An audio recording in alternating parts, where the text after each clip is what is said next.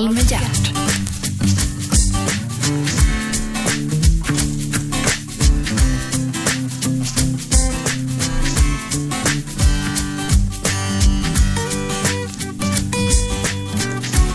God morgon och hjärtligt välkomna till Radio 1.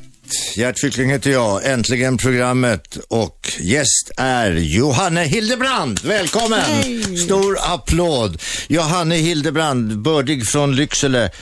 Eh, krigskorrespondent, författare, kolumnist, eh, bloggerska, Nej, inte så mycket bloggerska twitterska. Nej. Inte det heller, vad omodern du är. Ja, jag vet. Ja. Johanne är här av flera skäl, naturligtvis intressant kvinna eh, som sådan, men vi ska också prata om vad som har faktiskt hänt. Usama bin Laden eh, påstås vara skjuten och dränkt i havet. Jajamän. Okej. Ja, vi ska prata om vilka konsekvenser det här eventuellt kan få eh, och om USA har agerat rätt enligt lagar och förordningar. Men vi börjar med Johanne Hildebrand, uppvuxen alltså i Lycksele. Eh, ja, var du duktig i skolan? Inte speciellt. Jag gick ut nian med 0,2 som det var enligt det gamla betygssystemet. Det innebar att jag hade bara betyg i två ämnen. Syslöjd och eh, någonting annat, jag kommer inte ihåg vad. Och jag förstod inte alls varför. Vilket var bra, för då kunde jag tenta upp mina betyg sen, vilket passade mig mycket bättre. Okej, så att skolan var ingen bra plats för dig alltså? Nej, jag var väldigt rastlös och förstod inte allt med på det där. Du, men Lycksele, jag har ju varit en del i Lycksele. Jag hade tillfälle krog i Lycksele. Det är ju lite platsen som Gud glömde. Ja, verkligen. Det hän- hände inte så mycket där. Nej, det gör det inte. Eh, och sen kom det att hända ännu mindre när du flyttade därifrån. Ja, sen flyttade jag till Karlskrona. Och där var man inte så positiva heller. Det går inte. Det var som de säger. Nej, men man var, det var är det ganska... talesättet i Karlskrona? Det, det ja, går inte. Det går inte. Eh, det var inte heller så kul. Nej, men det var ändå där du började någonstans din journalistiska gärning, eller? Mm. Eller rättare sagt, jag började, jag, gick, jag började som växlare på järnvägen när jag var 17 år. Ja. Och jobbade med det i fyra år. Vänta nu, växlare. Du Mm. växlade, alltså tåg, i tågväxlar. Nej, jag satte ihop tågvagnar. Det var så här grovarbeten Aha, på en bangård. Koppla ihop dem. Här i stan eller i Ja, Stockholm? På Hagalund. I Hagalund? Och det var jättebra för där fick jag jobba i, jag jobbade i lag med en massa gubbar och fick lära mig att veta hut och ta ansvar och sådär. Så det var väldigt bra för mig. Ja. Och sen så började, sökte jag in till, ja så blev jag eh, tågklarerare. Som var lite finare. Okej. Men det var så fruktansvärt tråkigt så då läste jag upp mina betyg och sen sökte jag in på högskola. Och kom in på informationslinjen och insåg redan första dagen att sitta där och ljuga och, och täcka upp för andra, det var inte riktigt min grej. Men jag gick den i alla fall. Eh, ett år eller något sånt där. Sen jobbade jag samtidigt på tidningen Sydöstran i Karlshamn och där började min journalistiska bana. Eh, När man börjar på en tidning sådär, i, i, oavsett vilken tidning det är, man börjar ganska långt ner i hierarkin. Man- får börja nysta i lite cykelstölder och sånt, eller? Ja, ja, och skriva mötesnytt och, och så, men det är jättenyttigt. Ja. Eh, det bästa jag var, var med om där, det var att jag skulle göra en artikelserie om eh, sexuella övergrepp och så var jag inte påläst och pratade med den kvinnliga åklagaren där. Och hon läxade upp mig så gud förbannat, Jaså? eh, vilket var bra. Jag har alltid försökt vara påläst efter, det, efter denna djupt förnedrande upp, upplevelse. Liksom. Hon skickade ut mig och sa återkom när du har läst på, ungefär. Du skulle alltså rapportera från något mål, eller? Nej, jag skulle skriva någon artikelserie hade jag fått höra mer. Ja, men då hade du ju kommit ganska långt om du skulle skriva en egen artikelserie. Ja, men det var på eget initiativ. Det var Jaha. inte någon... det, var ingen, det var ingen chefredaktör eller redaktör som hade, du Janne, du måste skriva det här. Du, Nej, nej, Du är tjej, nej. du ska skriva om våldtäkter. Nej, så var det inte alls. Nej, nej, men blev det, kom det till stånd den där artikelserien då? Mm, den blev ganska dålig. Eh, men eh, det blev i alla fall en artikelserie. Men hur kan du ha gjort något dåligt? Jag har gjort massor med dåliga saker. Tycker, Är det, det som, är det där man lägger grunden till det som sen blir bra? ja, men det är väl att man aldrig är nöjd. Jag tror jag är nöjd med sex saker jag har skrivit. Sex Kanske. saker. Ja, Inte mer? ja, jag Du, har skrev, ju- du har ju gjort väldigt, väldigt mycket. ja, men som jag känner att ja, men det var riktigt bra. Ja, men du, okej, vi- jag vill gärna knyta, hå- hålla ihop det här vid, vid den här journalistiska gärningen. Sen, sen eh, råkade du befinna dig utomlands. Mm, jag var i Kroatien när kriget bröt ut där. Ni- Varför var, du, varför var du i Kroatien då? Därför att min chef på tidningen, hennes kille, hade ett hus där. Och eh, så vi skulle åka ner där. Det var ju ganska ja, svajigt. Man visste ju inte om kriget skulle bryta ut eller inte, men det var ju ändå intressant. Ja, ja så det var inte bara för att, åh, vad, nu ska vi åka ner och solbada. Nej, nej. Eh, men sen så bröt kriget ut och vi skrev ett par, några artiklar. Mhm. Eh, och sen så, så eh, åkte de hem och lämnade kvar mig där. Hur gammal är Johanne nu? 26. Ja, Okej, Typ. ja, ja, men det är bra. Mm. Eh, kanske. Och sen åkte jag hem och tyck, tittade på TV och då var det en massa gubbar som gick in och ut genom dörrar och tyckte jag att det här med krigsrapporteringen var dålig. Och då tänkte jag att antingen sitter man här nu gnäller och är bitter eller så gör jag någonting åt det. Och då var jag ju ändå journalist så att då tänkte jag att då får jag ju ta mitt ansvar. Och gå ut på fältet. Japp. Och hade absolut ingen som helst aning om hur det fungerade. Sen var det flera journalister som hade dödats. För att på den här tidpunkten skickade man ut diplomatjournalister, inte krigsreportrar. Det var precis i början på kriget. Vad är, vad är en diplomatjournalist för någonting? Ja, men alltså de folk som, politiska reportrar och så vidare. okej. Eh. De, de som är lite finare på tidningarna. Ja, som eh, gick omkring i lågskor och sådär och hamnade i korshäll. Det var jättedåligt. Så att jag insåg ju att, att det här gäller ju att lära sig från grunden. Och då Ja. hade jag, min enda kontakt var en lego, svensk legosoldat som kom från eh, Karlskrona. Eh, så jag hade hans nummer och sen så ringde jag upp honom och bad honom. En, en legosoldat är ju en, en soldat som, som krigar för pengar. Ja, vilket var ju ganska patetiskt med tanke på betalningen då som kroatiska män eh, betalade de här. Men, men det var så äventyrare. Eller som en bitter vakt sa utanför för försvarsdepartementet i Zagreb. Jag har sett varenda psycho i Europa passera förbi. men Eh, nej, men, han var, han, men han lärde mig grunderna, eh, hur man ska gå, alltså hur man bara rent praktiskt. Och det var Hur man tar sig mycket- vidare för att inte få en kula i skallen. Ja. Okej. Ja, men det var väl bra. Men vilken tidning jobbade du för då? Sk- Skrev, Mm. skrev du i största allmänhet eller, eller hade du varit kontrakterad av en tidning? Nej, jag hade kontakt med tidningen Idag, sam, samligen avsomnarna, som då var verksam i Göteborg. Ja. Eh, så att jag skrev mina första artiklar från, det var efter kriget hade brutit ut i Bosnien för dem. Okej. Och de var jättedåliga. Jag såg på dem för, för några månader sedan och vred mig i skam över ja, kvaliteten. Nej, men varför, varför är du så, varför är du så självkri- negativt självkritisk eh, om det som du har gjort tidigare? Nej men, nej men det var ju det, men det var ju bra att man utvecklas. Sen tycker jag det är så trist när alla ska vara så framgångsrika och ingen vill låtsas om att det är ett himla slit att komma någonstans. Men är inte du framgångsrik? Jo, jo, det är väl. Du är väl väldigt framgångsrik? Jo, men jag vill inte låtsas som att det är någonting som bara trillar ner i knät. Nej, men det är klart att det inte, det är klart att framgång kräver ju en jädra massa jobb. Ja, Självklart är det det. och det är viktigt att påpeka att man måste börja någonstans ifrån. Att, att alla... Ja, där kan vi liksom- höja ett varnande finger alla som vill hålla på med media. Ja, Till exempel. Det, är inte, det är inte bara att gå hem och sätta sig och bli ledarskribent på Dagens Nyheter eller Svenska Dagbladet inte. Nej, Även om man tror det. precis. Eh, du är 44 idag. Nej, gud, jag är 47. 47? Ja, det är det såklart. Jajamän. Just det, tiden går. Förra gången vi träffades var det 44. Jag vet, visst är det konstigt. Men jag, trodde- kan, jag kan vara 44 för ja, dig. Ja, för mig är du, för mig är du alltid 44. 44. Johanne, det här med, med att vara krigskorrespondent, det, det, jag kan förstå att det lockar, det finns ju ett äventyr i det. Naturligtvis, det finns en risk med det. Eh, man befinner sig i, bokstavligen i hetluften. Var du rädd? Ja, jag har varit rädd eh, flera gånger. Eh, av förklarliga skäl. Jag har ju träffats av splitter och, och varit illa ute. Speciellt första året eh, i Bosnien i kriget där det var fullständigt kaos överallt så, där, och jag inte hade en aning om någonting. Så var det väl mer eller mindre bra att man överlevde. Eh, eller en, förvånansvärt att man överlevde ibland. Så att ja, men samtidigt den här äventyren, den här kicken och liksom, åh, jag är mitt i det hela. Det är ju någonting som tonas bort. Jag har ju hållit på i 20 år. Så att numera är det mer en, en eh, det är obehagligt att befinna sig i strid, eh, naturligtvis. Eh, men samtidigt så är det helt eh, hanterbart. Det är en del av jobbet, men det är ingenting som, min- min adrenalin, det, det är inte någon adrenalinkick man är ute efter för att adrenalinet eh, gör att perceptionsförmågan smalnar av Och då förstår du inte allting vad som händer runt omkring dig. Så man måste vara ganska cool egentligen. Cool och fokuserad. Man ska helst gå omkring i loafers med, med små snuddar och, och, och titta hur det ser ut. Nej, men man ska vara ja, sansad. Eh, jag tycker inte det är roligt. Jag tar absolut inte några risker, onödiga risker som jag gjorde i början av min karriär. Ja, varför skulle du göra det? Det, Du har ju barn. Absolut. eh, utan tvärtom.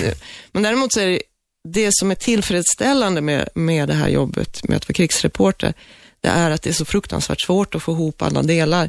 Så att när man väl får ihop en bra artikel som verkligen berättar någonting, men man har Mm. allting, så är belöningen så enorm, även om det är bara jag som tycker den är bra. Men, men är inte, är, du, du, ska ju, du ska ju rapportera, du, får inte, du ska ju inte ta ställning för och emot, men inte det är ganska svårt eh, att vara objektiv när man liksom står i ett kulregn och, och den leder fi skjuter på en? Samtidigt så kan man ju bara berätta, alltså man tycker man ska vara ärlig med att berätta omständigheterna. De senaste månaderna jag åkte, jag har följt FS-19, alltså den eh, eh, som åkte, den svenska enheten som åkte ner i maj och var där till, i Afghanistan till december. Eh, och då kan jag ju bara berätta deras berättelse. Och, och sen ska man vara ärlig med detta. Om man har restriktioner, nu hade jag inte absolut inga restriktioner alls, eh, så ska man vara redo att Men en krigsreporter kan ju inte bevaka allt. Jag tänker inte åka över till talibanerna till exempel och försöka intervjua dem när alla vet att jag har hängt med svenskarna, ISAF-trupperna. Det är bara dumt. Men, ja, det, det är bara dumt. Men, men har man inte lite grann ett carte blanche som krigskorrespondent ändå? Nej, det där är också en, en, en gammal eh, myt, att, att man skulle ta fram sitt presskort och så blir man är som en skyddande sköld. Tvärtom. Det blir så här, åh, kan vi få ännu mer pengar om vi kidnappar henne? Ja, och, just det. och så var det ju redan i Bosnien så var, så var ju journalister mål. Eh, för att de är där och berättar. Eh, Och det var skottpengar på dem. Så det, det är ju inget, Det var det? ja ja. Eh, och det började ju där och det har bara blivit värre och värre. Mm. Eh, säkerhetssituationen för krigsreportrar är tämligen usel. Ja, men det hör man ju tyvärr att det, det är många journalister som, som eh, ja, stryker med av olika skäl. Därför att de, ja, de har hamnat i korseld eller de blir mördade eller ja, det händer någonting därför att de inte har fallit regimerna på läppen på något sätt. Och de, de, den krigande eller försvarande delen vill ju ha sin historia berättad och så berättar då krigsreportern fel historia och då är det klart, det är ju ingen som vill att den ska komma fram. Och framförallt om det har förekommit övergrepp och annan skit. Exakt, och det gör det ju alltid naturligtvis. Och det är det som är, det, det man tror att krigsrapportering är dramatiskt, det är det ju inte. Att ofta så handlar det om att ta sig igenom ett gigantiskt berg av demokrati, att bara få komma till den platsen. Äntligen! Samtal med hjärt.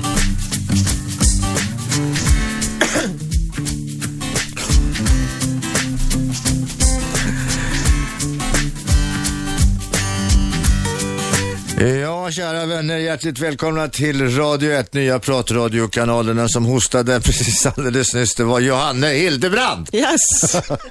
Det, det lät, eh, ja, är du sjuk eller är det bara allmänt dåligt levande som ligger till grund för, Nej, men jag är pollenallergiker, så att jag är Aha. otroligt risig nu. Fast jag är väldigt pigg och glad just idag för att det regnar. Okej, och det är bra för, eh, Ja, det tvättar, ja det blir man- tvättar bort pollen, lägger det på gatan. Och då blir man mycket piggare. Då blir man mycket piggare. Johanne Hildebrand, krigsreporter, för, författare eh, och eh, kommer från de, de djupa skogarna bokstavligen, Lycksele i Norrland. Platsen som Gud glömde. Ja, men det är, ja, jag har varit där lite grann. Det är faktiskt ingen vidare. Nu har vi ett samtal. Ska vi se här, ett samtal in här. God morgon, Gert Fylking här.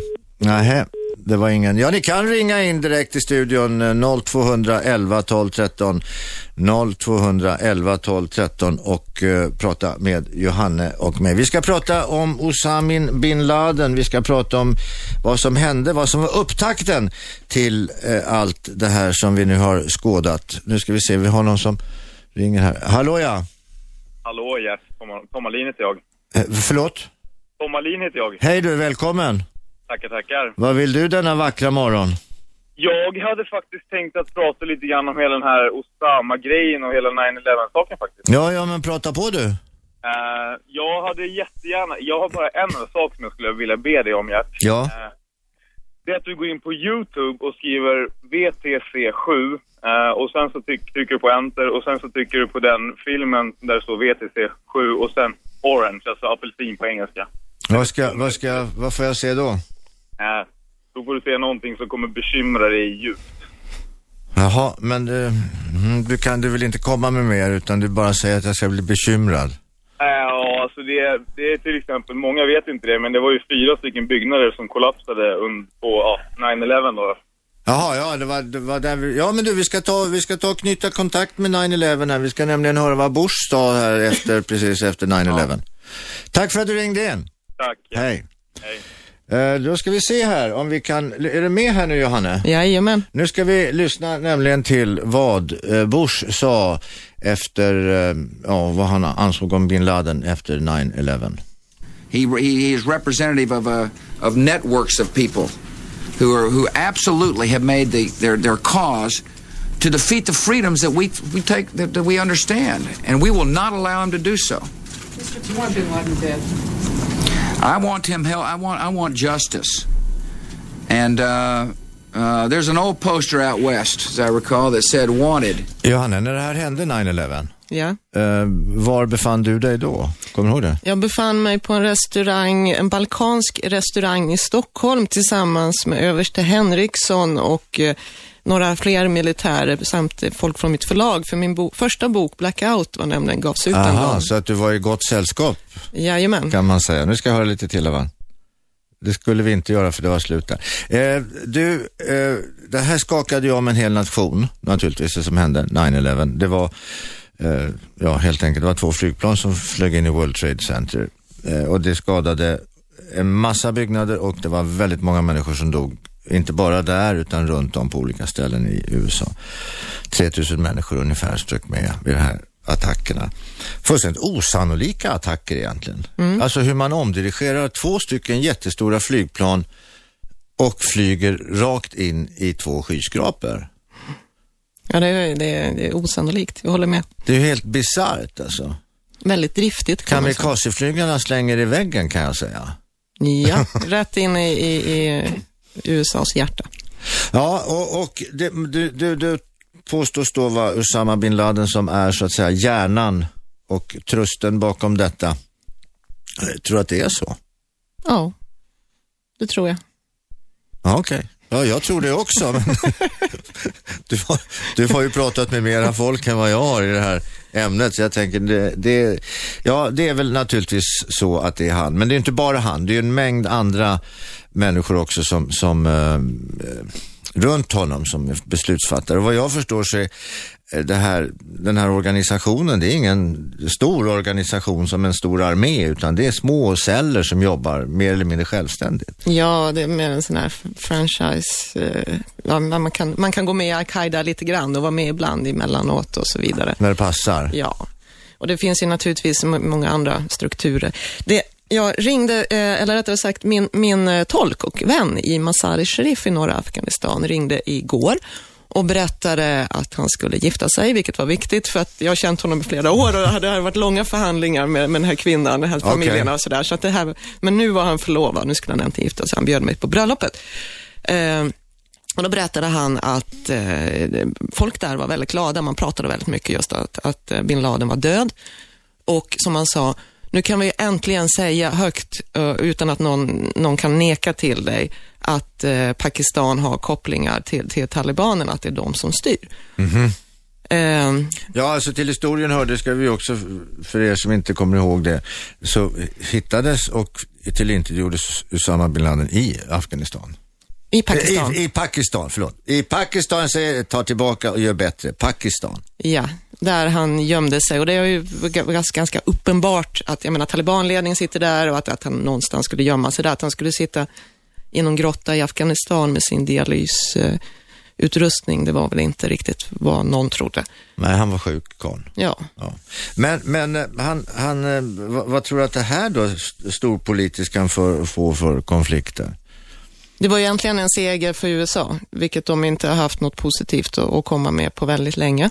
Nej, och framförallt inte president Obama har väl haft mycket att komma med. Det här var väl som eh, en klim, klimp guld som hamnade i på hans bord va? Precis. Ja. Sen kan man ju tycka att det är ganska osmakligt hur folk står och jublar och dansar över att någon har, har skjutits bort. Eh, faktiskt. Ja, men det är inte en, det, jag tror inte det är personen utan det är ju fenomenet som man jublar över. Jo. Naturligtvis. Och rättvisa och alla, hem, hem till alla som har dött och så vidare. Ja, men vad tror, tror, är man rädd för repressalier tror du? Ja, o ja. Eh, och det kommer naturligtvis utnyttjas eh, ordentligt, Mm. eh, det här. Eh, Jag läste i tidningen i morse att, att man, att eh, i, i New York bland annat så har man alltså helt enkelt gått in i tunnelbanevagnar och kollat alla med ryggsäck. ja, Bara sån sak. nu drar det igång igen. Ja, Paranoian. Ja. Det är sant. Ja, men det är självklart att, att det här kommer utnyttjas. Och, och talibanerna kommer spinna vidare på det här gigantiskt mycket. Och det förstår man inte. Det, det, det man inte förstår här hemma i Sverige, det är för första att talibanerna är extremt bra på PR och eh, propaganda. Eh, ex, ett exempel. En svensk eh, militärbil körde fast och blev beskjuten så den brann upp. Eh, de flydde, de som soldaterna som var i bilen, de har redan hoppat ut, men den stod och brann. Omedelbart så eh, smsar attentatsmannen till afghanska journalister och säger vi har dödat fem eh, ISAF-soldater och tar detta som en seger.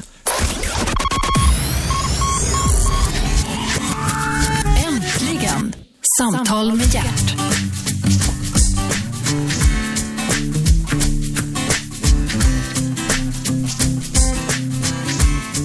Ja, hjärtligt välkomna tillbaks. Radio 1 lyssnare på. Det är den nya pratradiokanalen det. Dagens gäst är Johanne Hildebrand. Gert- Jajamän. Jajamän, just det. Gert Fylking heter jag. 47 år har du hunnit bli numera. Jag presenterade dig som 44. Men du får gärna fortsätta med det. Ja, du, ibland, kvinnor är väldigt fåfänga med sin ålder. Det är lite lustigt att du säger det där, därför att eh, man frågar, "Ja, hur gammal är du? Gissa, säger de då. Vad svarar man på det? Då brukar jag säga, oavsett, säger jag 42. Det är en bra ålder. Jo, men det är en väldigt bra ålder. Är inte det svaren på allt i den där boken? Ja. Lyftarens guide till galaxen. Jo, men man måste ha ett svar i alla fall som man liksom kan upp. Du, eh, jag skulle säga det till er kära lyssnare också. Ni kan ringa in till studion här. Eh, 0211 12 13 0211 12 13 kommer ni direkt in i samtalet tillsammans med mig, Gert Fylking och Johanne Hiltbrand. Vi, eh, Johanne är här i egenskap av krigskorre, krigskorrespondent och vi pratar lite grann om Usama bin Laden, följderna av detta och du har erfarenhet som en av våra mest namnkunniga krigskorrespondenter på senare år. Du har varit ute mycket. 20 år i år. Jag firar 20-årsjubileum som Ja, krigskår. det är ju ha- halva ditt, eh, halva ditt liv och, och eh, vad kan det vara, 75 procent utav din yrkesverksamma tid, ja. typ. Ja, eller hälften i alla fall. Utan att jag för den skulle vara speciellt bra i matte. Framförallt inte med-. Framförallt inte när det gäller, nej du var dålig i skolan, du slarvade som fan. Ja, men sen tog jag mig. Ja, det, det gjorde du rätt i. Du, eh, tidigare här så pratade du om en, var det någon kompis till dig som skulle, i- någon i Afghanistan skulle giftas eller vad var det? Mm, det, eh, min tolk, när jag har varit i Afghanistan, eh, tolken som jag har jobbat med, han, han har eh, försökt gifta sig länge och, och nu är han äntligen förlovad och så ringde han och berättade om att, att han äntligen var det klart. De här, det, det- Hur lång tid hade det tagit? Ja, ett par år har vi suttit Av- av och detta. Av, av uppvaktning, men det är inte bara han och tjejen som ska komma överens. Det är familjerna som har kommit det är många överens. som ska komma. Så han ska gifta sig med sin kusin. Eh, som, som, eh, ja, som han är väldigt förtjust i.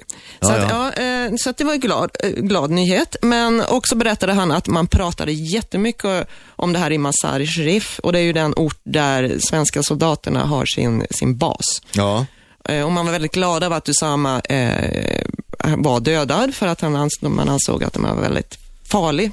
ja men han är väl lite grann ondskan personifierad i väst va? Ja. Och man behöver ju en fixstjärna. Men samtidigt så finns det ju en massa andra fraktioner som kommer fortsätta och en massa andra ledare. Eh, och USA, de har ju, Jo, det, Usama bin Laden är ju ingenting själv, ensam, utan det är ju bara, en symbol. ja han är ju symbolen, det är med alla, med alla andra runt omkring som han blir någonting. Ja. Ja, fortsätt, förlåt. Och de här är ju välorganiserade och menar, både terroristerna och eh, talibanerna som slåss eh, mot regeringsstyrkorna inne i Afghanistan. Och man kommer naturligtvis utnyttja detta och slå tillbaka och hämnas. Och sen kommer naturligtvis varenda foliehatt eh, slå en kullerbytta av glädje och spekuleras eh, i om han verkligen är död. För han- Foliehatt. Ja, det är mitt favorit. Jag har själv en foliehatt. Jag, liksom, jag, säger det med respekt. Men eh, de som kommer spekulera i massa konstiga saker om han är död eller inte. Och det kommer nog fortsätta ända tills den här kroppen visas upp. Ja, men den kommer ju inte att visas upp. Den lär ju vara sänkt i havet. Men bilder på, på den. Ja, men bilder. Jag har sett bilder i en ding-ding-värld också. Jo, det är sant. Men eh, ja, det är väldigt konstigt att man inte ja, visar upp hur, hur det egentligen är. Även om hela huvudet är bortskjutet, så- eller halva, så borde man visa upp några Men, bilder. men ett tag så påstås det att man hade tillgång till DNA. Det tror jag är helt övertygad om att man har tagit. Jo, att man har tagit det nu ja. Men har man att jämföra med sen förr? Det har man säkert. Eh, det vet vi väl eh, av Wikileaks-telegrammen att, att man är väldigt pigga på, på att samla in folks DNA. Ja, man kanske passade på att ta för någon kavaj han hade bin Laden han var i Falun på 70-talet. Ja, visst är det bisarrt att tänka sig att han... Ja, han var inte bara där. En, stor och mäktig familj, bin Laden ju. Det, det, eh, så vitt jag förstår så har de fortfarande business i Sverige. Mm. Faktiskt. De är väl, eh, inte minst i Västerås va? Ja. Vad har de för affärer då? Ja, det kan inte jag gå in på. Jag, jag vet inte mer, det är bara rykten. Men, men det är en affärsdrivande familj det där. Ja. Stor och stark. Och även USA har ju faktiskt bekostat Usamin bin Ladens göranden och låtanden. Ja. Och det skäms man väl lite för idag kanske. Ja, men så är det ju. Eh, USA har ju en viss historia av att stötta eh, fraktioner och människor som sedan vänder sig mot dem. Jag tycker den här historien om han som satt inspärrad på, på Guantánamo-basen släpptes, flögs till Libyen, eh, där han nu är en av rebellledarna som får stöd från USA. Det tycker jag är en helt fantastisk historia. Han måste ju Ja, bara ja. klia sig i huvudet och undra vad var det som hände. Ja, men det är ju så här. If you can't beat them, join them. men du, eh, åter nu till Osama bin Laden här. Eh, en religiös fana- fanatiker. Ja, eh, som jag skulle få ett, vad jag förstår, man skulle skaffa sig ett världsherravälde som var styrt utav, det var Allahs rike som skulle upprättas på jorden. Ja, eftersom eh, väst är så korrumperat och inte- vet hur man behandlar kvinnor och sådär. Ja, jo, Så att det enda och det sättet där sa du med en viss ironi förstår jag. Oh ja. men, men vad jag skulle säga, vart jag ville komma nu var att nu har vi ju faktiskt sett att just de här arabländerna där Allah är stor, eh, vi tar Libyen, vi tar Egypten, vi tar Tunisien, vi tar andra sådana länder där är det ju demokrati man vill ha. ja, men det är Enligt västerländsk modell så att säga. Det är princip. Det, det, det är det som är så fullständigt bisarrt i den här debatten, att man utgår från att muslimer skulle vara annorlunda än alla andra människor. Det är ju vanliga, men herregud, det är vanliga människor. De vill, Mm. ha, de vill ha ett bra liv och kunna rösta och, och slippa bli trakasserade. Eh, och, och liksom att folk bestämmer vad de ska göra. Självklart så vill alla ha demokrati. Eh, och jag menar, bin Laden och alla de här extremisterna, verkligen islamisterna, det är ju en helt annan fraktion. Det går ju inte att bunta ihop dem med alla muslimer. Det är ju som att säga att alla svenska kvinnor är liksom blonda bimbos som heter Inga.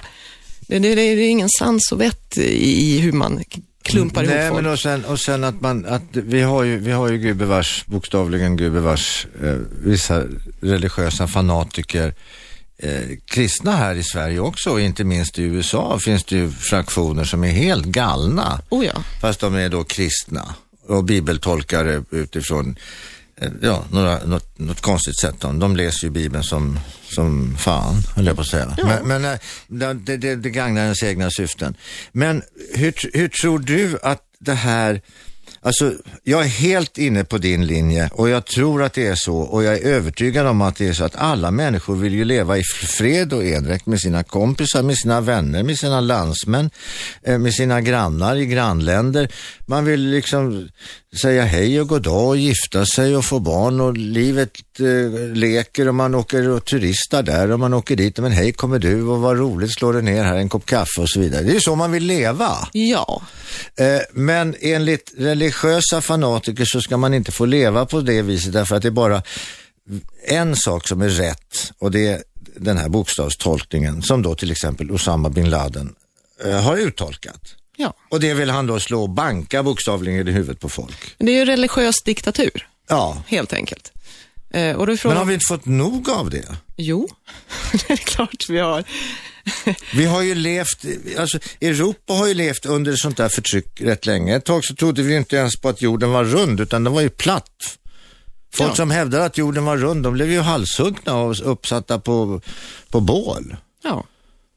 Och naturligtvis så, så tycker jag, jag hå- håller fullständigt med. Det, det ska inte tolereras på något sätt. Vi lever i en sekulariserad stat. Jo men det här, och, det, och li- likadant det här har vi sett i filmerna om eh, Jan Guillous, de här Arn och så vidare.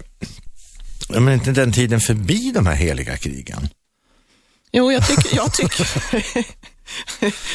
jag tycker det. Samtidigt, jag menar, om vi återgår till, till Afghanistan där man faktiskt, eh, eftersom man då invaderade Afghanistan för att få tag på, på Usama bin Laden, det var ju ett av skälen till att man gick in där. Och så störtade man talibanregimen för de ville ju inte lämna ut honom. I förbe- och nu så är de på återmarsch igen, de är ganska eh, tätt eh, sammankopplade.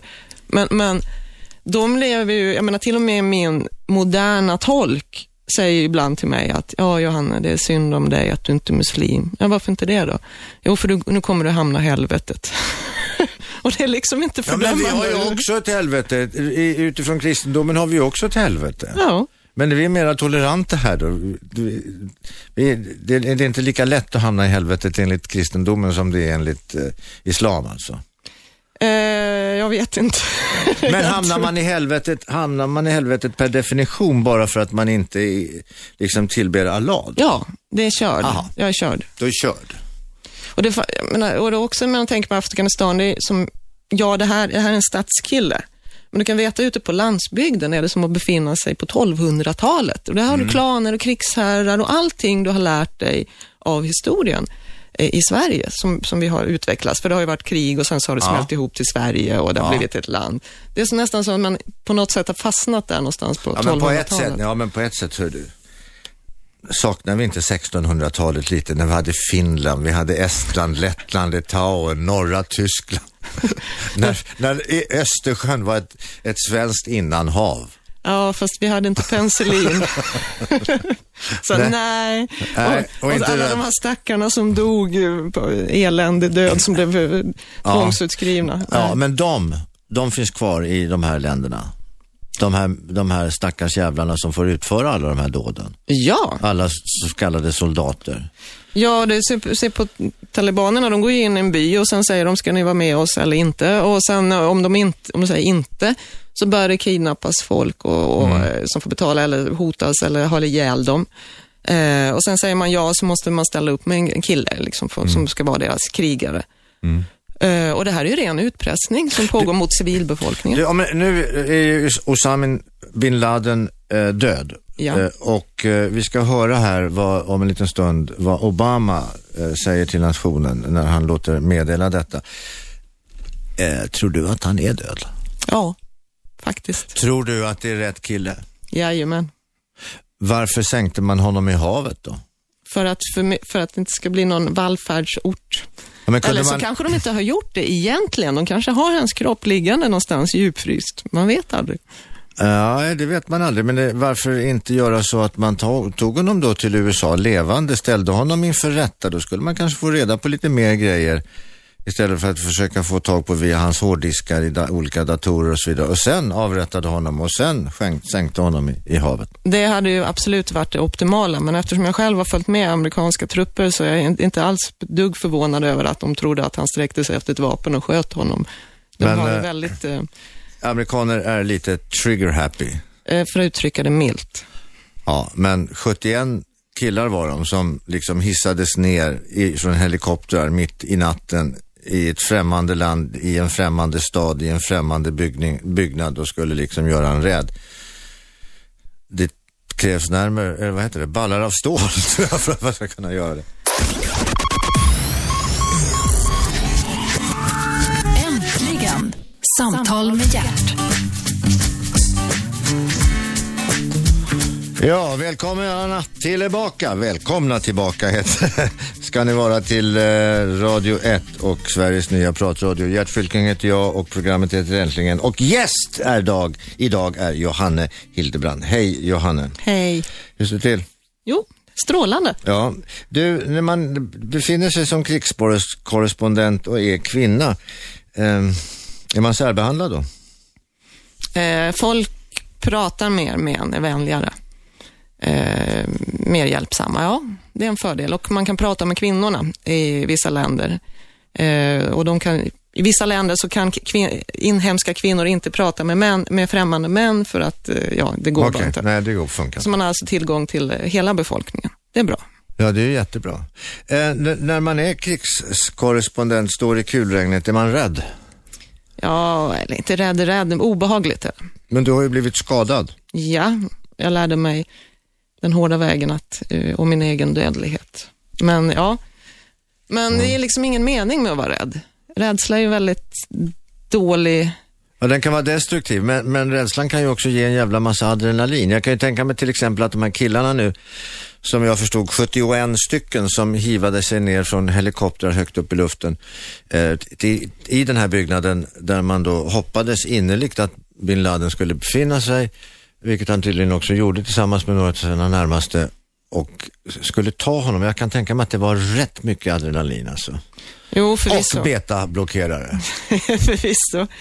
Men samtidigt så går det inte att vara rädd eller, eller uppspidad eller någonting. Du måste vara väldigt lugn och fokuserad för att kunna jobba i en sån miljö. Det är Annars där betablockeraren kommer in. Ja, annars, annars begår du misstag helt Ja. enkelt. Och om du inte har den egenskapen att, att du inte kan coola ner och, och bita ihop så tror jag att det är väldigt svårt. Men jag vet ju, du har ju barn Ja. och är, kombinerar detta med att vara krigskorrespondent. Ja.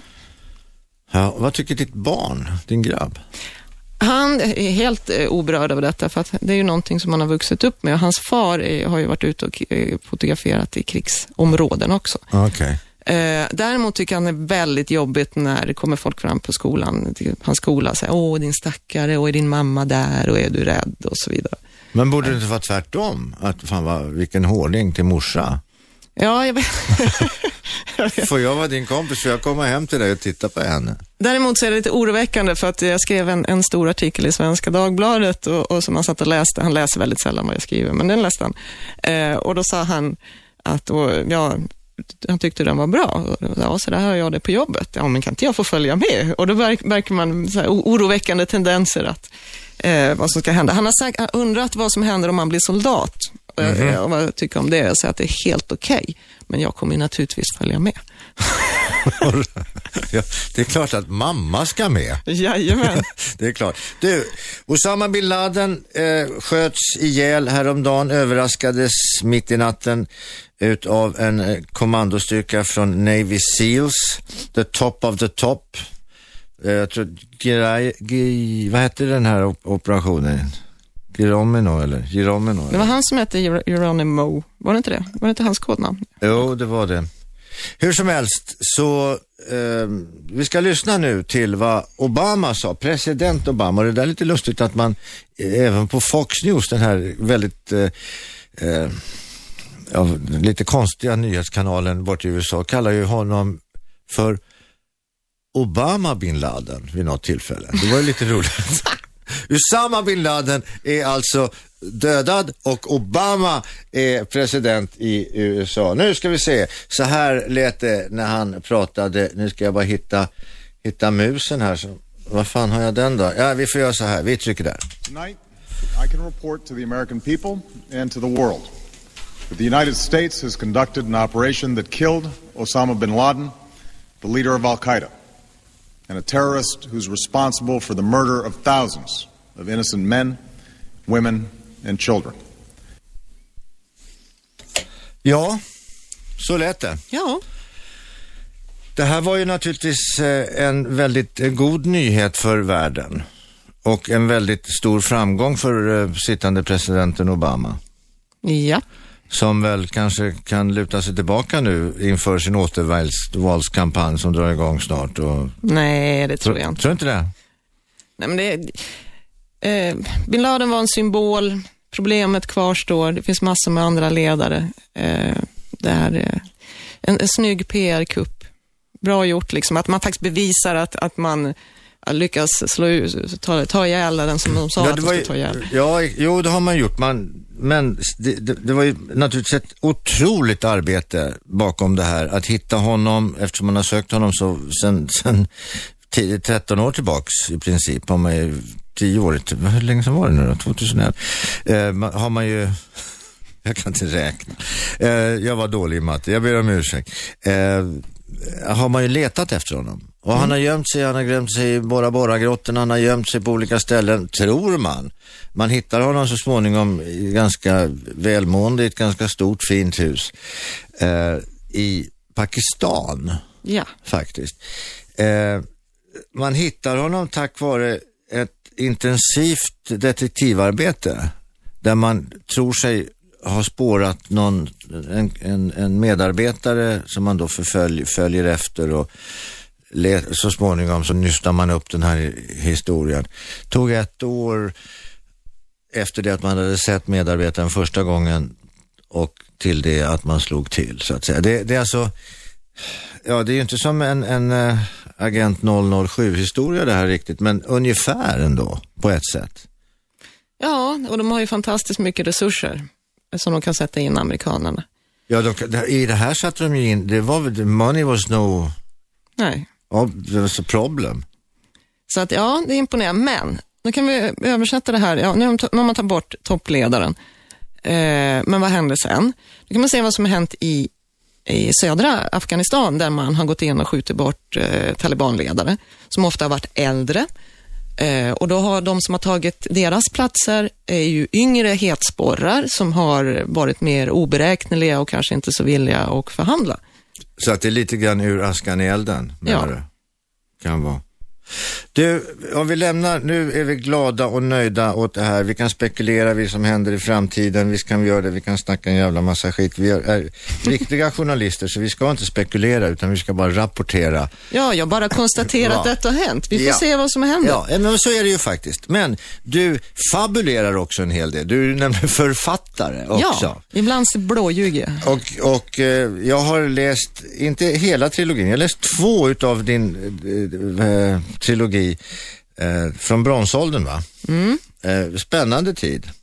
Ja, visst. Ja, Allting började då, civilisationens gryning. det var så? Mm. Ja, ja, bra, fint. Men du har också skrivit eh, en skräck, du har skrivit av dig lite utav din, din, eh, din krigsskräck. Eller vad man ska kalla det för. Ja, fast med krigsskräck, eller vad man säger, ångest, den plöjde jag ner i min första bok, Blackout. Okej. Eh, så fördömde handlar mer om min, eh, jag vet inte, rädslan för att konfrontera sitt förflutna, jag vet inte. Men, vad blir det nu då? Nu skriver jag, nu har jag följt FS-19, eh, den enheten, eh, svenska soldaterna som var nere i Afghanistan mellan maj och december 2010. Okej. Så jag skriver en bok om vad som verkligen händer där, eftersom alla bara tycker och ingen egentligen vet. Är det the true story? Ja, absolut. Enligt Johanne Hillbrand förstås. Ja, men jag, jag, kan, jag, jag skriver ju det jag ser. Jag har ju varit med om Ja, strid och absolut. leda. Nej, men det, och, det, är ja. inget, det, är ingen, det, det är inget ifrågasättande från min sida. Tvärtom, det är ett konstaterande. Ja. Och du har ju bevisligen eh, rapporterat på ett sanningsenligt och uppriktigt sätt det du har sett Ja, och vet. ja. Johanne Hildebrand, stort tack för att du kom hit idag. En timme går fort. ja verkligen. Eh, vi får ta en timme snart igen. Ja. Eh, tack så hemskt mycket. Ni har lyssnat på Radio 1, den nya pratradiokanalen. Gert Fylking heter jag. Vi hörs imorgon igen. 101,9 Radio 1. Sveriges nya pratradio.